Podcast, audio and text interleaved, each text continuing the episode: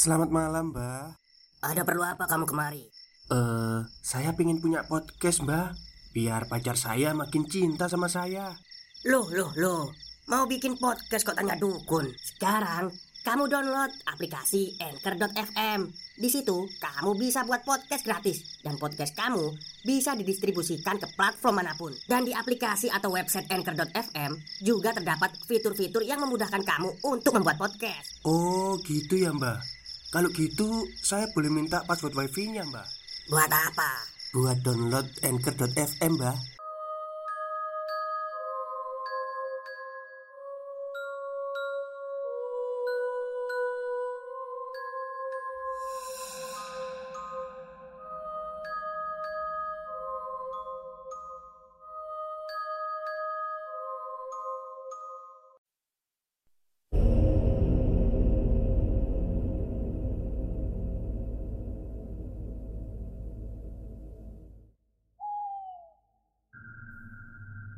Assalamualaikum warahmatullahi wabarakatuh. Halo semuanya Jumpa lagi dengan saya Chow Sing Sing Kurator dari podcast Horror Night Story. Halo apa kabar semuanya? Semoga kalian semua baik-baik saja ya. Dan selamat berakhir pekan bagi kalian semua. Istirahat di rumah Senang-senang ya. Biar tidak stres kerja ya. Oke seperti biasanya, pada siang hari ini saya kembali dan akan membawakan sebuah kisah mistis untuk kalian semua. Kisah mistis kali ini saya datangkan dari treat horornya Mbak Mika yang menceritakan tentang bau anyir darah. Oke, daripada kita berlama-lama, mari kita simak ceritanya.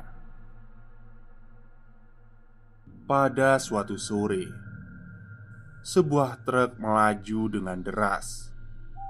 Si supir nampak kesulitan berusaha untuk mengendalikan truk yang menjadi liar. Truk itu mengalami masalah pada pedal gasnya. Saat melaju pada gigi empat dengan kecepatan 80 km per jam, pedal gas tidak kembali ke posisi semula. Hingga di sebuah kelokan ke arah kiri yang merupakan jalan menurun seharusnya truk melambatkan kecepatannya. Namun tak bisa. Truk malah menghantam telak sebuah mobil Avanza yang datang dari arah berlawanan. Supir truk bermaksud menghindari menyerutuk kendaraan di depannya dan menghindari sebuah warung nasi di sisi kiri jalan-jalan yang sedang ramai. Avanza yang ukurannya tidak seberapa itu tentu saja hancur di bagian depannya. Terseret beberapa meter. Penumpang dalam Avanza itu tewas seketika. Ternyata di belakang Avanza itu ada pengendara motor Revo yang naas. Seorang remaja laki-laki berusia 20 tahunan ia ikut terseret bersama motornya di kolong mobil Avanza. Tio sudah seminggu lebih di kota Malang. Dia sedang liburan kuliah. Sebenarnya keluarganya juga baru sekitar tujuh bulan di Malang. Ayahnya adalah seorang tentara dipindah tugaskan Sebelumnya mereka tinggal di kota Semarang. Ketika keluarganya pindah ke rumah dinas Tio tidak turut serta dikarenakan kuliah di Semarang. Pada liburan itu Tio mengajak serta teman kuliahnya, Dios Untuk mengisi hari-harinya selama berlibur Dan berjalan-jalan mengendarai mobil Yarisnya Berkeliling wilayah Malang dan sekitarnya sekedar untuk menyegarkan mata dan melihat suasana baru. Rute jalan-jalan kali ini sedikit keluar dari kota Malang ke wilayah KP, yang mana suri itu terjadi kecelakaan. Posisi mobil Tio pada detik-detik menjelang kejadian adalah persis di belakang truk yang menabrak. Kejadian dengan langsung dengan mata kepala sendiri. Kejadian membuatnya menepikan mobil, didorong pula dengan rasa penasaran, memastikan apa yang sebenarnya terjadi terlihat orang-orang berkerumun mengitari Avanza. Tio dan Dios juga turut menghampirinya. Mereka menyaksikan pemandangan yang sangat mengenaskan. Pengendara dan rekannya terjepit dashboard mobil. Sekujur tubuh korban nampak basah karena darah. Pecahan beling dan bagian-bagian entah dari Avanza atau truk terlihat berserakan di sekitar tempat kejadian. Beberapa orang lainnya mengamankan si supir truk. Di kolong Avanza itu. Terlihat motor, namun entah di mana pengendaranya. Lalu ada bapak-bapak menegur, "Mas, mas, mas, mas yang bawa mobil Yaris itu ya?" Katanya sambil menunjuk ke arah mobil Tio. Iya pak, kenapa? Masnya nggak kenapa-kenapa. Oh, enggak kok pak, saya nggak kenapa-kenapa. Mas, bisa minta tolong nggak mas? Lanjut si bapak. Iya pak, ada apa ya? Ada korban lagi sebenarnya yang naik motor. Kondisinya udah gawat mas. Harus buru-buru dibawa ke rumah sakit. Nunggu ambulan lama. Bisa diantar sama masnya. Tio sejenak diam, terpaku Atas permintaan si bapak Lalu ia menatap ke arah Dios. Dios memberi kode menggeleng tanda tidak setuju. Sebenarnya Tio juga merasa ragu jika harus membawa korban kecelakaan ke dalam mobilnya. Namun di sisi lain dia ingin juga membantu. Akhirnya Tio mengiyakan permintaan si bapak. Ayo bawa korban ke mobil Yaris Mas ini Teriak si bapak kepada orang-orang yang ada di lokasi. Eh, serius kamu yo? Bakal panjang urusannya Kata Dios. Ya habis gimana bro? Kasian Akhirnya Korban kecelakaan itu Yaitu sang pengendara motor Sudah berada di dalam mobil Tio Si bapak tadi dan seorang lagi turut juga mengantarkan Di mana rumah sakit terdekat di sini pak? Tanya Tio Ke rumah sakit PH aja mas Saya tunjukin jalannya Selama dalam perjalanan, si korban terus mengerang kesakitan. Oh, sakit. Oh, aduh. Sabar ya, Mas. Sebentar lagi sampai di rumah sakit. Hibur si bapak kepada korban. Rumah sakit yang dimaksud memang tidak seberapa jauh dari lokasi. Namun, di perjalanan si korban sudah tidak mengerang dan tidak bergerak lagi. Saat tiba di UGD, ternyata korban telah meninggal dunia di dalam perjalanan. Di parkiran mobil, saat hendak pulang, Tio melongok ke kursi belakang mobilnya. Ada noda merah. Dugaan Tio dan Dios itu adalah darah si korban karena tercium bau anyir. Di samping itu juga terlihat sedikit cairan putih kental. Itu cairan apa ya? Tanya Dio kepada Dios. Embuh, nggak tahu aku. Kayaknya cairan otak deh. Hi. Makanya, bener kan kataku? Nggak usah diangkut. Duh, piye toh? Aku juga gak nyangka bakal kayak gini Tak kira korbannya gak sekarat Ya mosok aku nolak dimintain tolong Kamu kalau di posisiku pasti juga bingung toh Sergah Tio Aduh Mobilmu jadi bau anyir. Bawa ke pencucian dulu Saran Dios. Tio setuju Dengan usul temannya. Dia langsung mencari tempat pencucian mobil. Sampai di tempat pencucian, mobil Tio meminta kepada petugas yang mencuci agar di bagian kursi belakang dicuci juga dengan memakai banyak sabun serta pewangi. Selesai mobil dicuci, Dio dan Dios bersiap kembali pulang ke rumah. Mereka bersyukur bau anyirnya sudah berganti wangi dengan aroma jeruk sintetik dari tempat pencucian mobil. Setibanya di rumah, Tio menceritakan semua kejadian itu kepada keluarganya. Mendengar cerita Tio, ibunya sangat khawatir. Namun Tio meyakinkan bahwa dirinya baik-baik saja.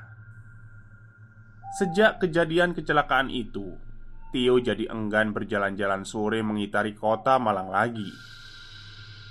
Pikirnya, sehari lagi ia mesti kembali ke Semarang karena ada perkuliahan dan akan segera berlangsung. Hari kepulangan pun tiba. Dengan mengendarai mobil Yarisnya, Tio berangkat dari Malang. Pukul 4 sore. Sengaja ia berangkat sore dengan pertimbangan lebih santai.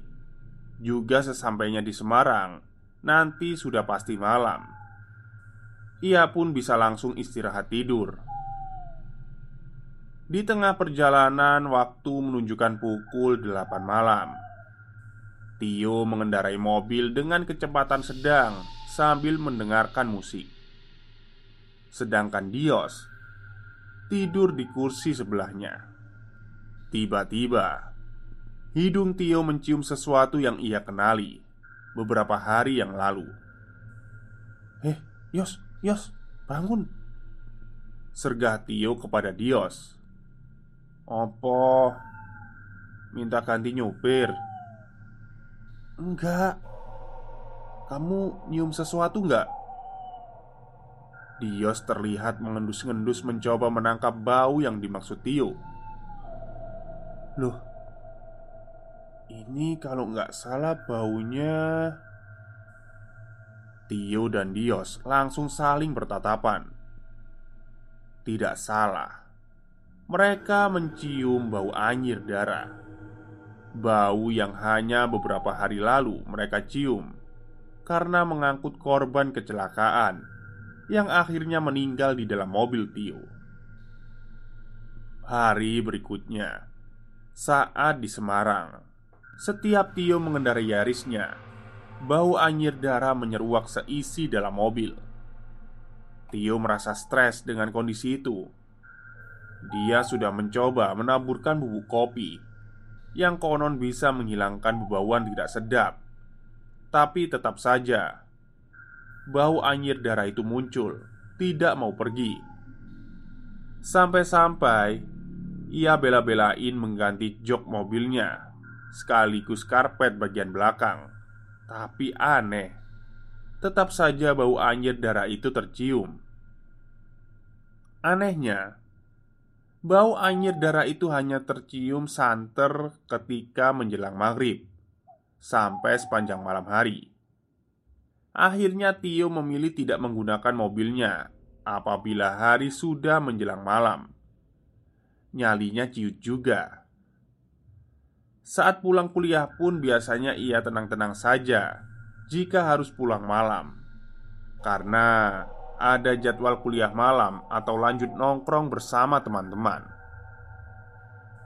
Dikarenakan keadaan itu Ia jadi selalu segera meninggalkan kampus Agar tiba di rumah sebelum waktu maghrib. Meski mengendarai mobilnya saat hari masih terang pun hatinya tidak tenang.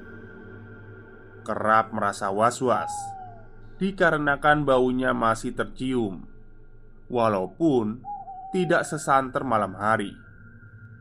Maka dari itu, jika ia tahu ada jadwal kuliah malam atau kegiatan kampus lainnya yang mengharuskan ia pulang malam, ia lebih memilih untuk naik motor saja atau sesekali nebeng sama Dios.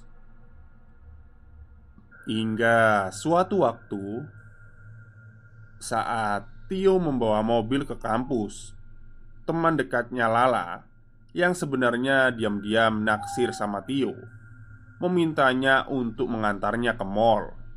Katanya ada barang yang ingin dicari. Tentu saja, Tio tidak bisa menolak. Namanya juga cewek. Jarang sekali jika belanja, katakanlah baju, langsung mendapat dan langsung pulang. Harus dicoba dulu, terus dibanding-bandingkan dengan pilihan yang lain. Kalau belum srek, ya beralih mencari toko lainnya. Dan terkadang absurd setelah berkeliling ke sana kemari akhirnya pilihannya jatuh kepada baju yang pertama kali dicobanya. Itu yang dialami Tio hari itu saat menemani Lala. Saat menjelang sore, ia melirik jam tangannya. Sudah menunjukkan pukul 5 sore. Kalau tidak pakai acara muter-muter, jam 3 juga sudah selesai. Tio, kamu mau kan sekalian antar aku pulang ke rumah? Pinta Lala dengan manja. Iya, mau, mau, jawab Tio. Tapi dalam hatinya berkata, "Mampus aku, pulang bakal kemalaman nih." Sampai di rumah Lala. Sudah sedikit lagi maghrib. Kamu gak mau mampir dulu ke rumahku? Tanya Lala. Hah, nanti aja lah lain kali. Aku banyak tugas kuliah Jawab Tio beralasan. Oh gitu. Ya udah makasih ya.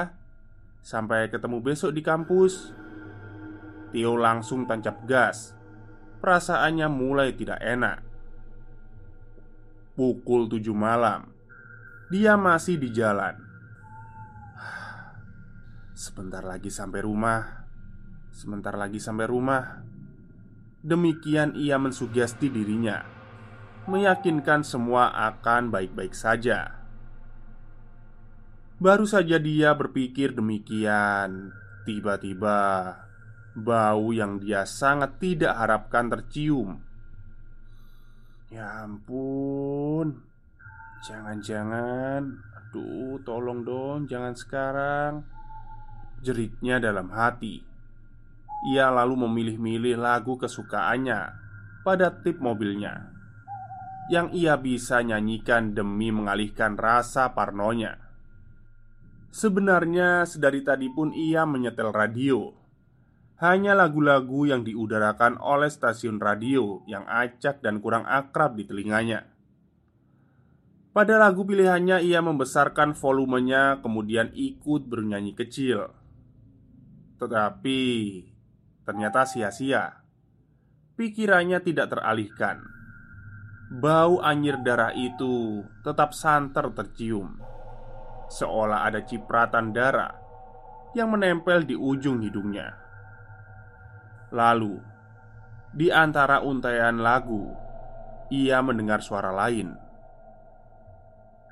Kepala Tio dimiring-miringkan untuk memperjelas suara apa itu yang berasal. Pikiran Tio kalut. Ia bingung berasal dari mana sumber suara itu.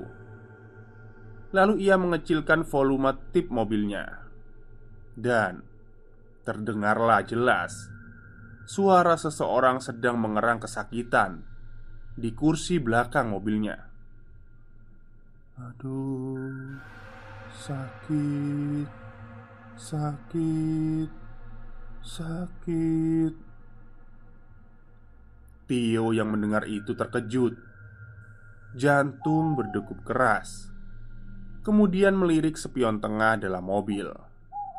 Ia tak percaya dengan apa yang kedua matanya tangkap. Ada seseorang duduk di kursi belakang. Sedari tadi pulang dari mall, tidak ada seorang pun yang menebeng diam-diam. Hanya ada dia dan Lala. Lalu, Tio melirik lagi ke kaca spion untuk mencoba menegaskan.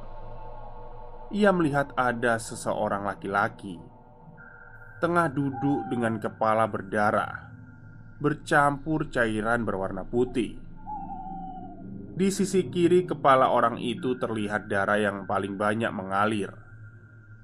Tio ketakutan setengah mati, namun ia berusaha mengendalikan diri agar tidak celaka. Sebenarnya, ia ingin segera menepi dan pergi kabur meninggalkan mobilnya begitu saja. Namun mengingat rumah tidak seberapa jauh lagi Ia tetap bertahan Melajukan mobilnya itu. Stop, stop. Kita break sebentar. Jadi gimana? Kalian pengen punya podcast seperti saya? Jangan pakai dukun Pakai anchor. Download sekarang juga. Gratis. Sesampainya di rumah, dengan sembarangan dia parkirkan mobilnya di depan pagar rumahnya, lalu masuk ke dalam rumah dengan terbirit-birit. Tio mengabari kejadian yang menimpanya kepada kedua orang tuanya yang ada di Malang. Orang tuanya memintanya agar ia beserta mobilnya kembali ke Malang. Di hari Sabtu pagi, dia ditemani Dios pergi ke Malang. Sampai Malang Sudah menjelang sore. Tio menjumpai orang tua dan adiknya Sudah menunggunya di teras rumah. Ada dua orang Yang Tio tidak mengenalinya. Yang satu perawakannya laki-laki berusia sekitar 30 tahunan. Dan seseorang lagi bapak-bapak berpenampilan laksana pemuka agama. Memakai baju koko dan mengenakan celana bahan berwarna coklat. Dia memakai peci. Di saku baju koko bapak itu tersembul tasbih. Ayahnya memperkenalkan kedua orang tua itu kepada Tio. Ternyata bapak itu adalah orang pintar yang bisa membantu orang yang sedang ada masalah dengan gangguan makhluk halus. Sedangkan orang yang satu lagi pengantarnya. Saat memperkenalkan diri, bapak itu menyebut namanya, dan dia memperkenalkan diri sebagai Mbah Sastro. Lalu Tio menceritakan semua kejadian-kejadian yang ia alami di Semarang. Jadi, persis hari Kamis malam kemarin, Mbah, ada penampakan di belakang mobil saya terang Tio Walah, yo pantes Aku saiki ngelihat ana wong sing lungguh nang burimu. Tak kira koncomu. Respon Mbak Sastro. Mendengar paparan Mbak Sastro, wajah Tio dan Dios berubah pias. Ya wis, nanti setelah sholat maghrib aku minta dia supaya pulang aja. Akhirnya, setelah menunaikan sholat maghrib, Mbak Sastro minta disediakan air putih segelas besar. Lalu ia duduk bersila. Gelas berisi air itu diletakkan di depannya. Ia membacakan doa-doa dan kemudian ditiupkan ke airnya. Mbak Sastro lantas menghampiri mobil Tio. Yang lainnya hanya menyaksikan saja Mbah Sastro membuka pintu mobil bagian belakang lalu duduk Dan kembali membaca doa. Pemandangan selanjutnya Mbah Sastro seperti sedang bercakap-cakap dengan seseorang. Setelah itu air dalam gelas itu diciprat-cipratkan ke bangku belakang Juga di bagian depan. Akhirnya ke seluruh mobil bodi. Sudah nak Tio saya sudah minta dia pulang baik-baik Sekarang mobilmu sudah bersih Tidak bakal ada gangguan lagi Kata Mbak Sastro Beneran mbah? Iya insya Allah Dan benar saja, semenjak saat itu bau anyir darah itu hilang, tidak tercium sama sekali. Dan meskipun awalnya was-was saat mengendarai mobil di malam hari, ternyata bau anyir dan penampakan orang yang mengerang kesakitan itu juga hilang. Selesai. Baik, itulah cerita singkat dari Mbak Mika yang menceritakan tentang uh, pengalaman yang dialami oleh Tio ya saat mobilnya mengangkut korban kecelakaan dan meninggal dalam mobilnya. Ya sebenarnya Tio ini nggak salah juga sih, karena kan dia kan niatnya menolong gitu ya. Cuman kadang-kadang itu makhluk halus itu suka ngadi-ngadi gitu loh Udah ditolong malah minta lebih Ibaratnya itu udah dikasih daging minta jantung gitu Oke mungkin itu saja cerita untuk siang hari ini. Kurang lebihnya saya mohon maaf. Wassalamualaikum warahmatullahi wabarakatuh